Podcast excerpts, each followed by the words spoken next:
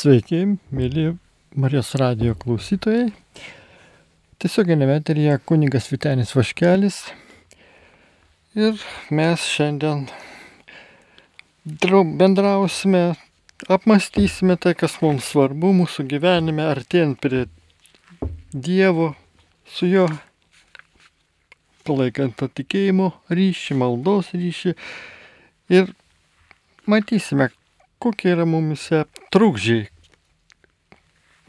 Kalbėsime apie, apie prieraišumus, apie tuos dalykus, kurie mus prikausto prie kūrinių ir nuo kurėjo atitraukia.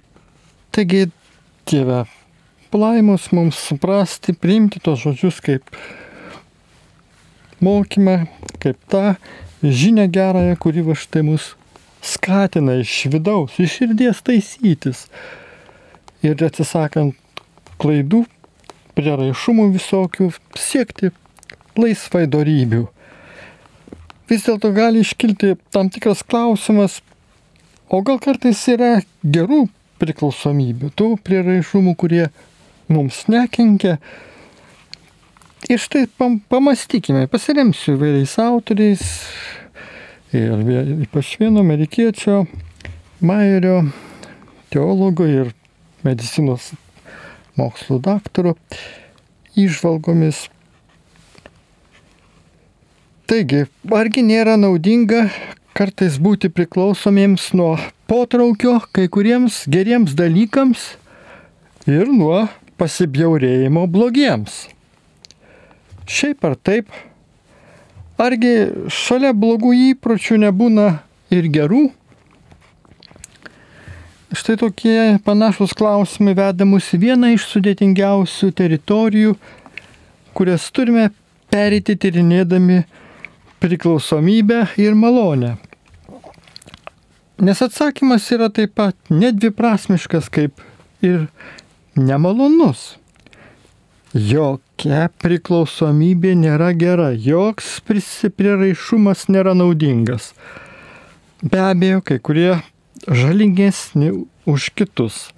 Pagal žalingumo laipsnį, pavyzdžiui, alkoholizmą negalima lyginti su priklausomybė nuo šokolado, o štai, pavyzdžiui, vorų baimės su rasiniu fanatizmu. Tačiau sutikdami, kad mūsų priklausomybės grėsia mums nevienodo masto tragedijomis, kartu pripažįstame, ką jie turi bendra. Riboja žmogaus laisvę ir menkina žmogaus dvasę. Iš ties gerai, kai tėvai rūpinasi savo vaikais, kai žmonės būna geri vieni kitiems ir ieško Dievo. O būtų nuostabu, jei galėtume tokią veiklą paversti įpročiu. Tačiau toli gražu ne tas pat. Ar tai visą darome laisvai apsispręsdami, ar todėl, kad esame priversti tai daryti. Pirmų atveju motyvas esti meilė, o antruoju vergovė. Kai kas gali ginčytis, kad motyvai nėra tokie reikšmingi, kad Svarbu geri darbai. Dėl priklausomybės iš tiesų padaroma gerų darbų. Pavyzdžiui, kai bad, kad badaujančius pamaitina žmogus priklausomas nuo potraukio daryti gerus darbus, tai tikrai geriau nei leisti jiems stokoti kasdienio maisto, badauti dėl to, kad kažkas kabutėse laisvai apsisprendžia jų nemaitinti. Bet trumpam staptelėkime prie šio įsivaizduojamojo antrojo asmens. Jeigu jis arba ji būtų tikrai laisvi nuo prisirišimo, nebūtų priežasties nepamaitinti alkstančiojo. Štai meilė mūsų kūrinio šerdis savaime to pareikalautų tikros užuojautos ir gailestingumo atsisakyti, čia galim tą žodį paimti kabutėse, mes galime dėl vienintelės priežasties - priklausomybės nuo ko nors kito. negailestingo elgesio niekada negalima pateisinti laisvę nuo prisirišimo. Mėginti tai daryti reikštų proto gudrybės, o ne laisvę. Be to, visa čia pateikiama padėtis yra be išlygų tik numanoma, nes ne vienas žmogus nėra iš tiesų laisvas nuo priklausomybių. Mes turime dirbti su savo priklausomybėmis, ieškodami juose malonės ir mėgindami sumažinti jų greunamąjį poveikį, užuot švaistę laiką fantazijoms, kaip būtų galima visiškai nuo jų išsivaduoti.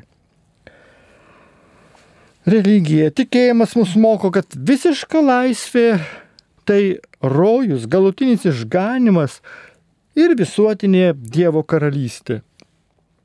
Tai mūsų siektinas tikslas ir sikiu tai, ko turime tikėtis ir laukti. Apaštalas Paulius apie tai kalba žodžiais, kuriuos vėl išgirsime tirdami priklausomybę ir malonę. Iš romiečių laiško 8 skyriaus. Visa kūrinyje iki šiol tebe dūsauja ir tebesikankina. Ir ne tik jį, bet ir mes dėjojame, laukdami mūsų kūno atpirkimo. Bet jei turime viltį nematydami, tada laukiame ištvermingai. Ne, privalome palikti ramybėje bet kokią užuominą, kad būtų, kad būna gerų priklausomybių. Vienintelis jų gerumas tas, kad jos gali pakirsti mūsų puikybę ir padėti labiau atsiverti maloniai. Draugė tai gali padėti prisiminti, jog priklausomybės destruktyvumą lemia ne mūsų prisirišimo objektai, net ne mūsų juntamas paprasčiausias jų troškimas. Patys tie dalykai yra tiesiog kūrinijos dalis. Ir Dievas juos sukūrė iš prigimties gerus. Priklausomybės destruktyvumą lemia mūsų vergavimas tiems dalykams, troškimo pavertimas aistra, kurios padariniai mums patiems ir mūsų pasauliui grėsmingi ir naikinantis meilę. Taigi, kuo daugiau mes suprantame apie mūsų ištinkančią vergyją, tuo daugiau įgauname gebėjimų pasukti laisvės ir meilės kryptimi. Trejopas mūsų dalyvavimas - malda, meditacija ir veiksmu yra atsakas į Dievo malonės iniciatyvas mūsų gyvenime ir veda mus vis stiprėjantį pasitikėjimą viešpačiu. Šis protarpinis, laipsniškas ir dažnusyk skausmingas pasikliovimas Dievu leidžia pasijusti mažiau saistomiems priklausomybių. Mūsų saugumas ima menkiau priklausyti nuo mūsų smegenų modelių stiprumo ir labiau priklausyti nuo nepaaiškinamos Dievo malonės. Galiausiai, augant pasitikėjimui, imame mažiau galvoti apie save, laisviau galime atsiliepti kitų poreikius Svarbiausia, labiau mylėti. Dvasinis augimas toli gražu nėra tolygus procesas. Kas kart vos prisilietę prie slėpinio, atveriančio tai, kas yra tikriausia, vėl atsitraukime, paveikdami į tą normą, kabutėse, kur koks nors gelminis prieraišumo sluoksnis jau yra pakliudytas, Grįždami dažnai patiriam neigiamą reakciją, egocentriškumo atsaką ir desperatiškas pastangas išlaikyti kontrolę. Tokiais momentais melstis gali būti sunkiau. Būname jau visiškai pasiryžę susikurti naujus įvaizdžius vietoj atsisakytųjų. Labai svarbu, kad tokiomis akimirkomis apsispręstume. Ir kaip tai padarysime? Nors patys savaime tie sprendimai nelėmė padarinių, bet jie kūrė mūsiškius laisvės ir vergyjos modelius, o šie sumišę su dieviškaisiais malonės modeliais audžia unikaliuosius mūsų dvasinio augimo audinius. Taigi dvasinio gyvenimo namą, mūras, sakykime, statomas. Atsiliepdami į patirtą į Dievo kvietimą, kupina meilės ir kelianti tam tikrą grėsmę, galime pasirinkti sprendimus, kuriuos kartais būna kankinamai sunku įvykdyti, užtat visiškai lengva suprasti. Pirma, mes tengiamės paneigti Dievo kvietimą arba jo vengti, užgneuždami savo troškimą, na ir keisdami jo energiją. Gana ilgai tai pavyksta, tačiau šis kvietimas neišvengiamai prasilaužė pro mūsų gynybinės užtvaras ir net stoja lengvai niuksuodamas arba persekioja, apsupdamas nepaliaujamų ilgesių. Antruoju atveju kūrėme dvasinės tikrovės atvaizdus, lastelių pateikiamus vaizdus, kas padeda mums jausti tam tikrą galę, užuot likus priklausomiems. O pasirinkę trečiąjį kelią, mėginame švelniai, dosniai ir atsiverdami dalyvauti slėpinyje. O tai jau kontemplatyvusis atsakas ne kokia nors sudėtingų pratimų sistema, o paprastas ir drasus mėginimas tikrovę pakelti tokį, kokį yra. Taigi kontempliacija tai bandymas žvelgti į gyvenimą nesidangstant atviromis, tai yra atviromis akimis. Visiems žmonėms nuolatos tenka rinktis iš šių trijų galimybių Kaip ir darydami daugelį svarbių gyvenimo sprendimų, į Dievo kvietimą dažnai atsiliepiame savaime, itin nesusimastydami. Atsiliepimus lemia pusiau samoningi procesai, už kuriuos retai kada prisimame atsakomybę. Kai atsiliepdami savo į Dievo ilgesį imame samoningai apsispręsti, tada pradedame gyventi samoningą dvasinį gyvenimą. Tada, žinoma, būtume linkę perlenkti lasdą į kitą pusę, prisimdami per didelę naštą, manydami, kad mūsų apsisprendimai visiškai lemia ir mūsų dvasinį likimą. O čia jau tikrai netaip jau viskas paprasta. Kiekvienas iš trijų pasirinkimų turi savo privalumų ir trūkumų, malonę ir tamsėje pusę. Neįgymas ir vengimas paprastai būdami viso labo mėginimai pabėgti, gelbsintis iliuziją, esą išgelbėti gali priraišumas. Vis dėlto gali laikinai būti naudingi, suteikti mums laiko bei jėgų užsitikrinti saugumą kitose gyvenimo srityse. Tuo tarpu įsiūgnant ganėtinai drąsos apsidaryti ir pažvelgti į akis tikroviai. Susigalvodami Dievo atvaizdus galime susikurti dirbtinį Dievą, nu, kaip marionetę, ir juo prietaringai manipuliuoti. Tačiau sikiu tai gali būti ir tam tikras simbolinis bendravimas su Dievu, su jo artumu, tikri, to, tikrume. Taigi čia ir vėl susidurėm su švelniomis abejonėmis, visada gaubiančiomis mūsų gebėjimą rinktis. Žvelgiant iš šalies, neįmanoma būti tikram, koks sprendimas būtent tuo metu būtų teisingas, nes ir neteisingai pasirinkus galima sulaukti malonės žvelgiant iš vidaus, kai įmanomas artimesnis ryšys su tikruoju Dievo ilgesiu, tas teisingas, šį žodį paimkime kabutės, sprendimas išauga tiesiogiai iš šio ilgesio ir autentiškai jį atspindi. Ieškant pasirinkimo kaip patarėjai gali pagelbėti malda Dievo žodžio skaitimas, sakramentus, samoningas prieimimas, dvasinė bendruomenė ir savianalizė. Bet galiausiai net čia savo žmogiškos laisvės šerdyje esam priklausomi nuo Dievo malonės. Negana to, kad rasti geriausią sprendimą būna be galo sunku, sunkumų patiriam ir mėgindami savo sprendimais vadovautis. Esam priklausomi, todėl mūsų motyvai visuomet būna prieštaringi, o širdys niekada nu, nesti pakankamai tyros.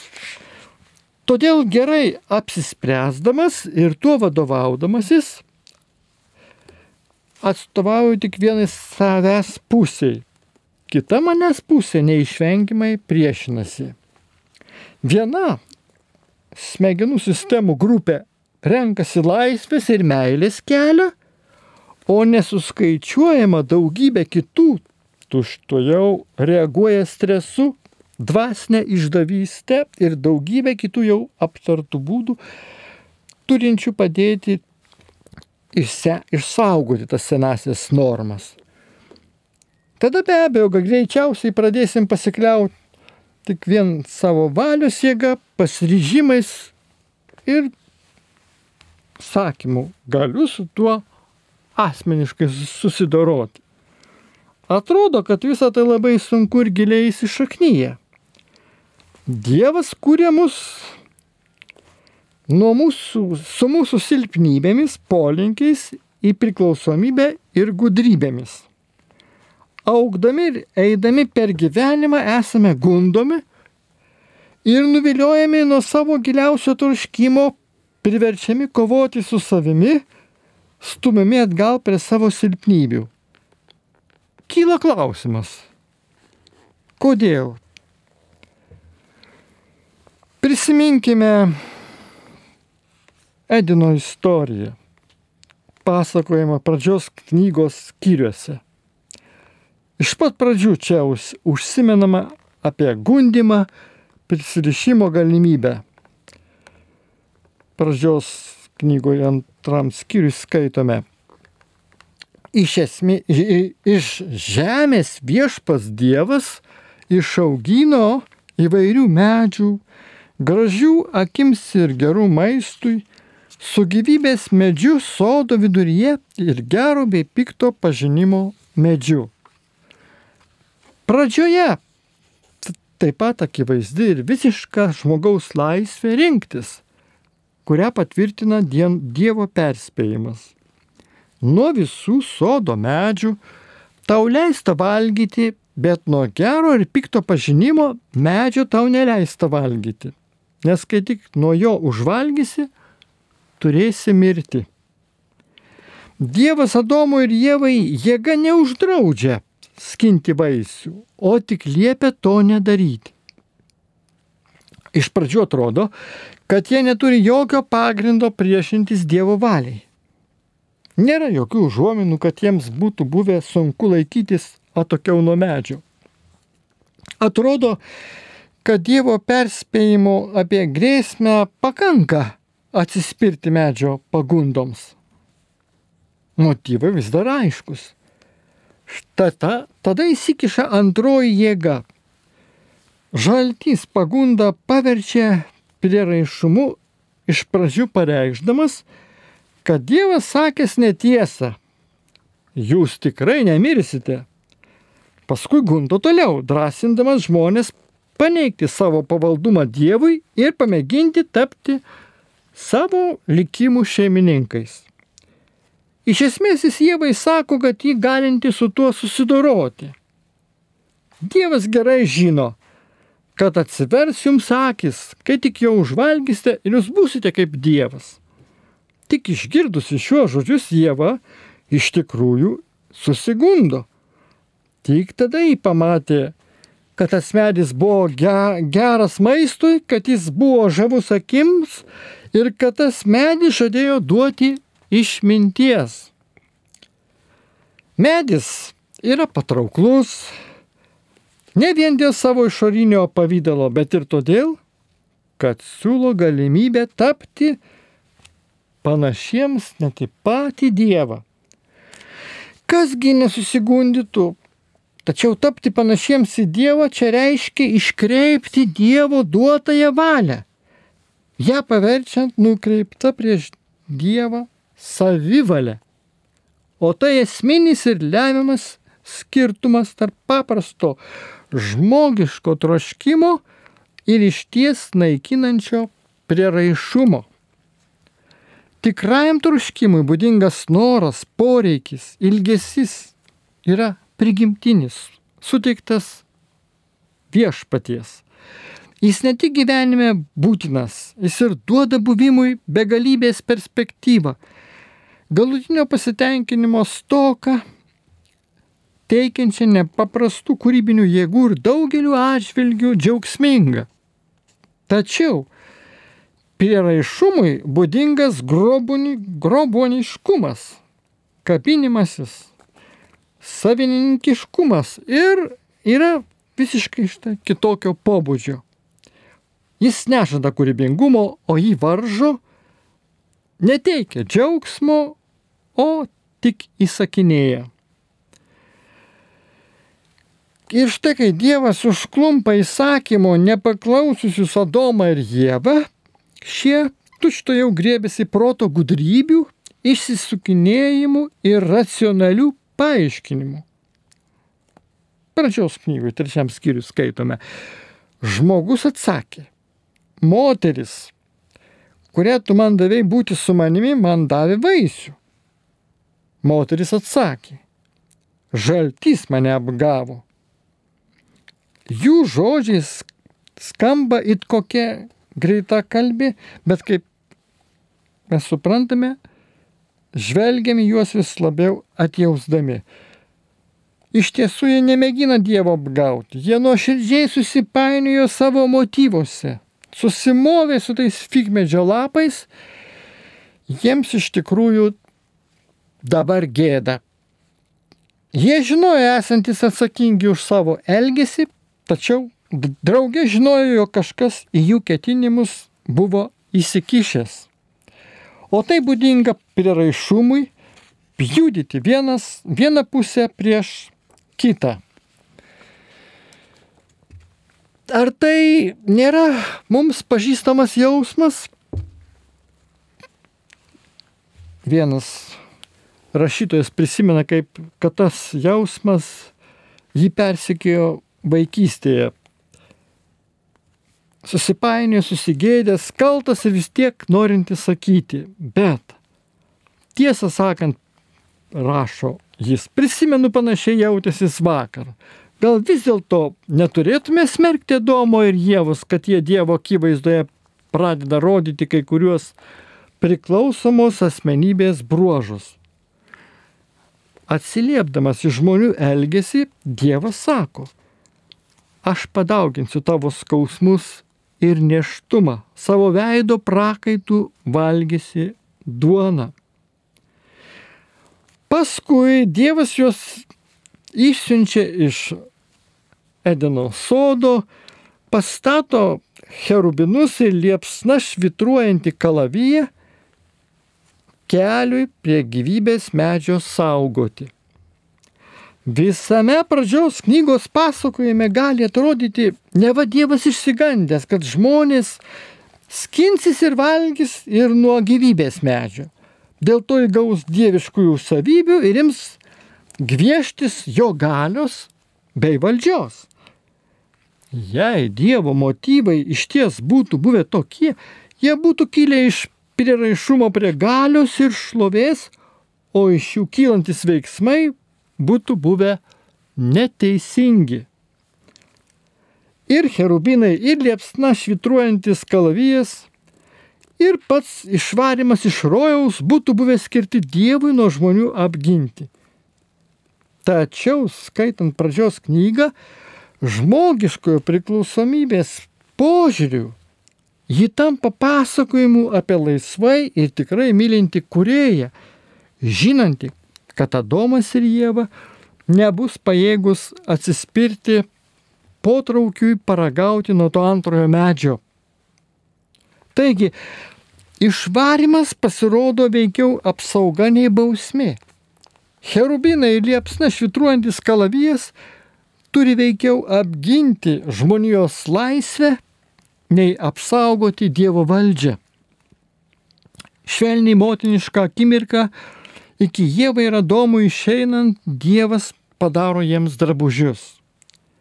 Netrodo, kad taip elgtųsi išgazdintas, savo dieviškumo įsikibęs Dievas. Toks gali būti tik laisvas ir mylintis Dievas. Jis žino, kad žmogaus gyvenimas negali būti visavertis, jei dieviškojo, dieviškų dalykų sieks nepasikliaudamas savo kuriejų.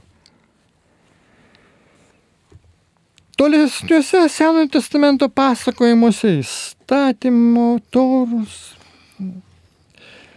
knygo, įstatymo knygoje Torą įsteigdamas tam, kad vadovautų žmoniai ir ją apsaugotų nuo perdėto prisirišimo prie tuščių, bei tuščių savarankiškumo iliuzijų. Eklesiasto knygos pamokslininkas byloja, nieko, ko mano akis norėjo matyti, joms neatsakiau, visa buvo tik rūkas ir vėjų vaikimas. Pozityviau kalbant, įstatymas yra malonės priemonė, įsteigtas tam, kad mokytų, rodytų kelią į laisvę ir meilę. Neleisk man eiti klyskeliais, meldžia psalmininkas Dovydas. Būk man geras ir mokyk savo įstatymu, Jeigu tavo mokymas nebūtų man džiaugsmo šaltinis, būčiau pražuvęs varge. Negali būti abejonių, kad Dievas nepalenkiamas tuo, jog yra vienintelis Dievas. Ir kai kas nors tai neigia, padariniai taip pat būna aiškus. Tačiau Dievo nepalenkiamumas pagristas meilė. Nuo pat pradžių jautėme savyje Dievo alsavimą ir Dievas žino, kad mūsų išsilgtoji pilnatvė ateis ne iš kur kitur, kaip tik iš paties Dievo. Niekas kitas, tik viešpas te gali numalšinti ilgesį, kurį mumise jis pas ir įkvėpė. Todėl galingasis, vienintelis Senojo testamento Jahve kalba švelniai ir viltingai. Jeremijo pranašo knygoje skaitome, kai jūs šauksitės manęs, kai ateisite ir kreipsitės į mane malda, aš jūs išklausysiu. Kai manęs ieškosite, mane rasite. Taip, jeigu visą širdimi manęs ieškosite, surasite mane. O Izaijas pranašas byloja, nebijok, nes aš išpirkau tave. Kai brisi per gilius vandenis, būsiu su tavimi, upėse tu nepaskesi, kai eisi per ugnį, nesudegs, liepsos tavęs neprarys, nes aš esu viešpas tavo Dievas, Izraelio šventasis, kuris tave gelbsti. Žemėje pasirodęs Jėzus pats kelbė savo teimo priežastį įvykdyti įstatymą. Torą. Paties įstatymo keistis nenorėjo, bet smarkiai puolė tuos, kurie buvę, buvo prisirišę prie jo paraidžiui, užuot iš tiesų mylėję jo kurėją. Priklausomybės požiūrių Jėzaus mokymų asme galima apibūdinti trejopai. Pirmiausia, jis iš naujo aiškiai patvirtino, kad norint tikrai ir nekliūdomai mylėti Dievą bei savo artimą, būtina atsisakyti prieraišumų. Niekas negali tarnauti dviem šeimininkams. Negalite tarnauti Dievui ir mamonai. Kas myli tėvą ar motiną, sūnų ar dukterį labiau už mane, nevertas manęs, skaitome Evangelijose. Antra, jis ir išaiškino ir pavyzdžiais parodė, koks yra gyvenimas laisvas nuo prieraišumų, gyvenamas visiškoje laisvėje ir meilėje. Aš, romus ir nuolankios širdies, ir jūs rasite savo sieloms atgaivą. Mano jungas švelnus, mano našta lengva. Jėzaus kaip Dievo įsikūnymas žmoguje parodė, kad Dievas užuot slėpę savo dieviškasias savybės, panoro jomis pasidalinti su žmonija per tiesioginę giminystę. Jėzaus gyvenimo įvykiai, vedantys į kryžiaus kančią, parodė, kokią grėsmę jis kėlė žmonių priklausomybėms ir jų ryštui savo prisirišimus apsaugoti.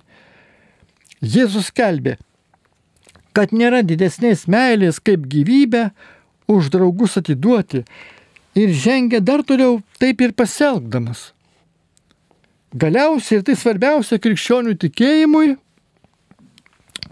Kristaus prisikėlimas paskelbė visiškai ir neginčiamą pergalę prieš patį prisirišimą, prieraišumą, prieš jo padarinius ir visas priežastis. Taip, sustosim pertrauką, padarysime SMS žinutę. Turime žinutę iš klausytojos. Garbėjėsui Kristui. Per amžius amen.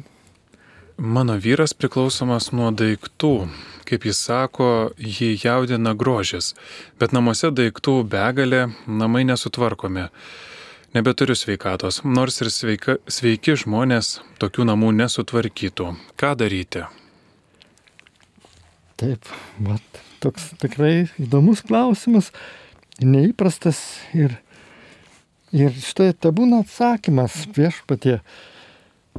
Tu esi didžioji mūsų grožybė. Kol, kol viešpats nes, nepreiškia savo malonės, va, tai tikrai, va, čia galim sakyti, žmogus turi priraišumo prie kūrinių, gražių kūrinių ir viskas atrodo būtų savo vietoje, jeigu tai būtų būtent daiktai savo vietoje, savo lentynėlėse ir ne, mes jų per nelik nesureikšmintume. Bet jeigu mes tai vien dėl jų gyvename. Tai va, ką tik girdėjom Dievo žodį. Negalim tarnauti pačiu Dievui ir mamonai. O mamona ne tik pinigėliai. Tai ir daiktai. Tai va, tai tas kūrinių spindintis grožis, kuris gali mus suvilioti, suvedžioti. Taigi, užstoti pačio Dievo veido grožybę. Va.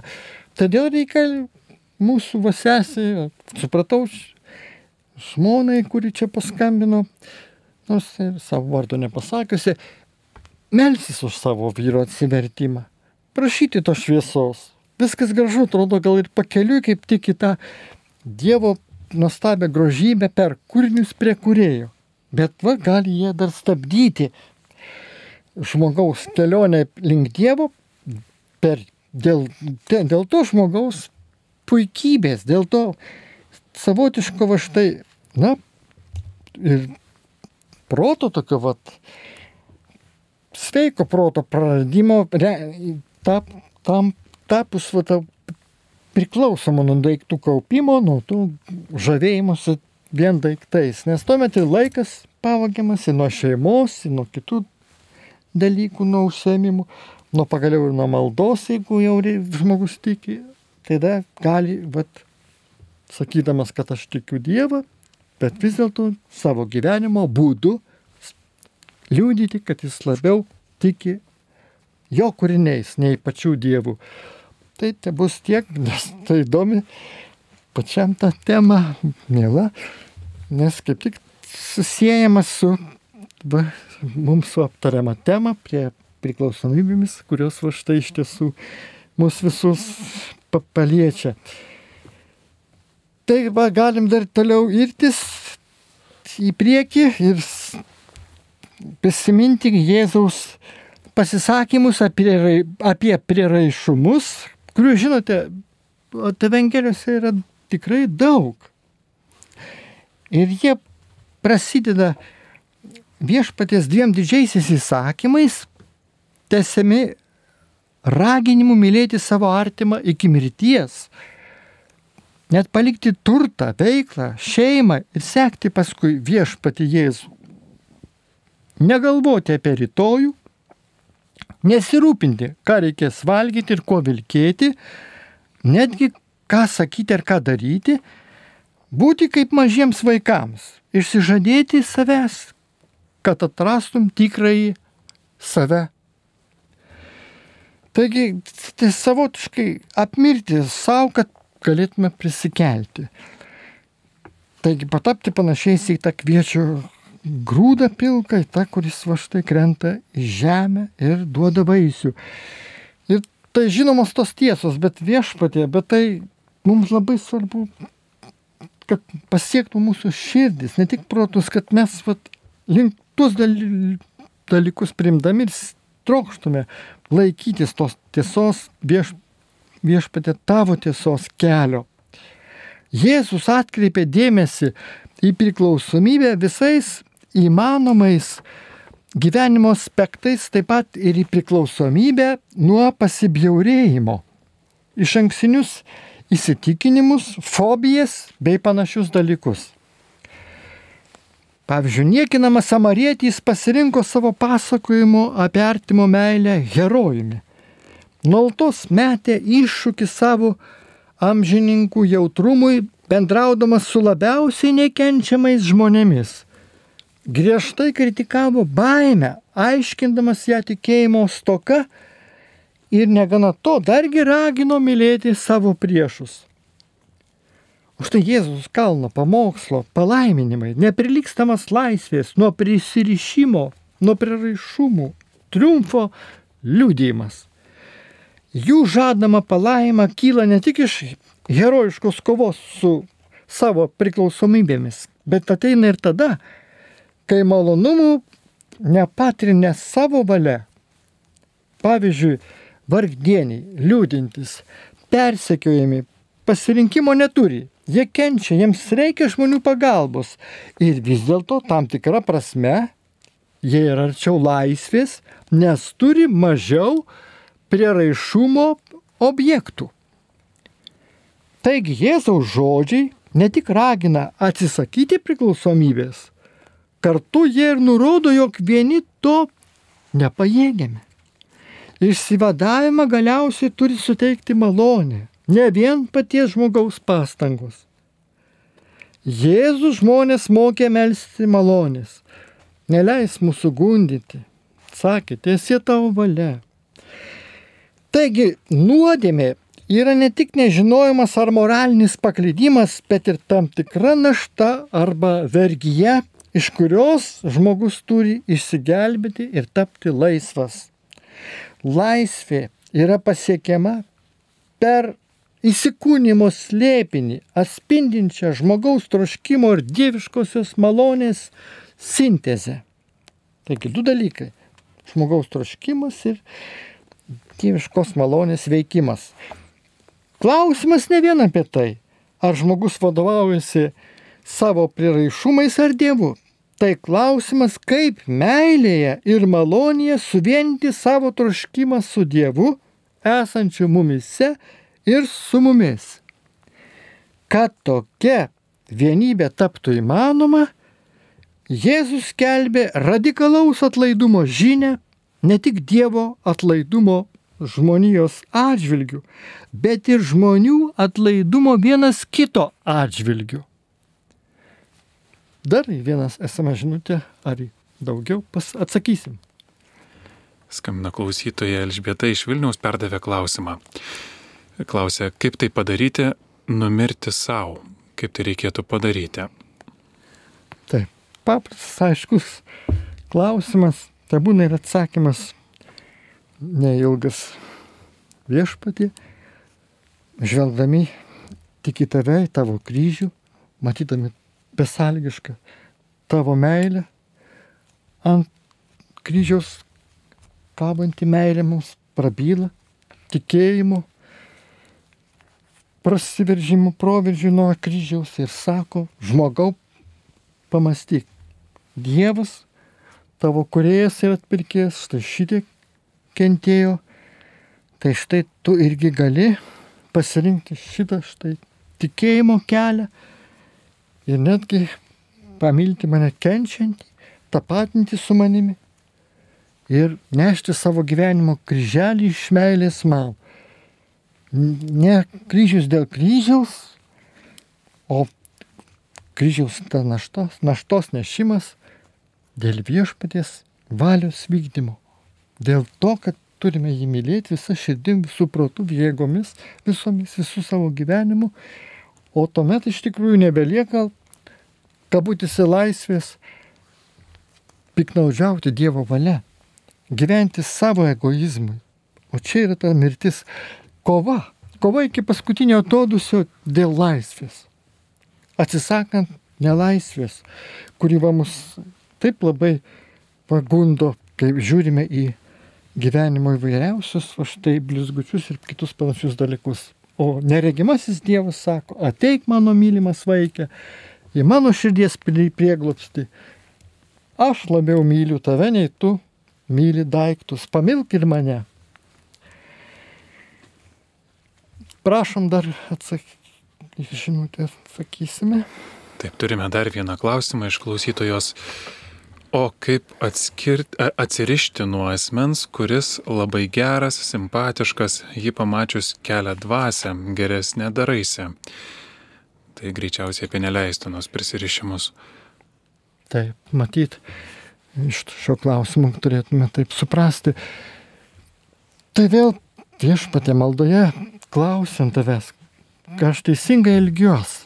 Čia negali būti primesta iš kito, bet galim dabar mes jums tik tai pasakyti, kad tai tikrai netvarkinga meilė prie žmogaus, kuris galbūt kaip tik jau gali būti jūsų bendradarbis ar bendradarbė, o bet koks familiarumas vedantis į tokį artumą didesnį, bendravimą, vat gali būti net neištikimybė, jeigu žmogus va, yra jau susituokęs ir, ir gyvena šeimoje jau davęs Dievui pažadą savo va štai antrai pusiai, kad nepleis iki pat mirties rūpinsis ir, ir, ir ne, nebus kelio link neištikimybės.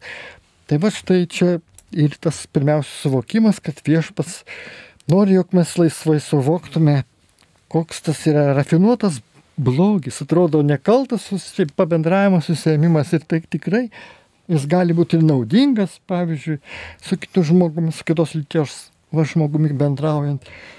Bet visada turi jungti mes krikščionys stabdžius, jei kad neperžengtume ribų. Turi būti išlaikomas tam tikras na, kabutėse metras, atstumas su, kities, su kitos lyties žmogumi, ypač kai esu, pavyzdžiui, įsipareigojus ar įsipareigojęs žmogus šeimai ir turi jai likti ištikimas iki tikrai gyvenimo pabaigos. Taigi laikas jau baigėsi ir Dievas te laimina visus Marijos radio klausytojus. Prie mikrofono buvo kuningas Vitenis Vaškelis. Sudėv.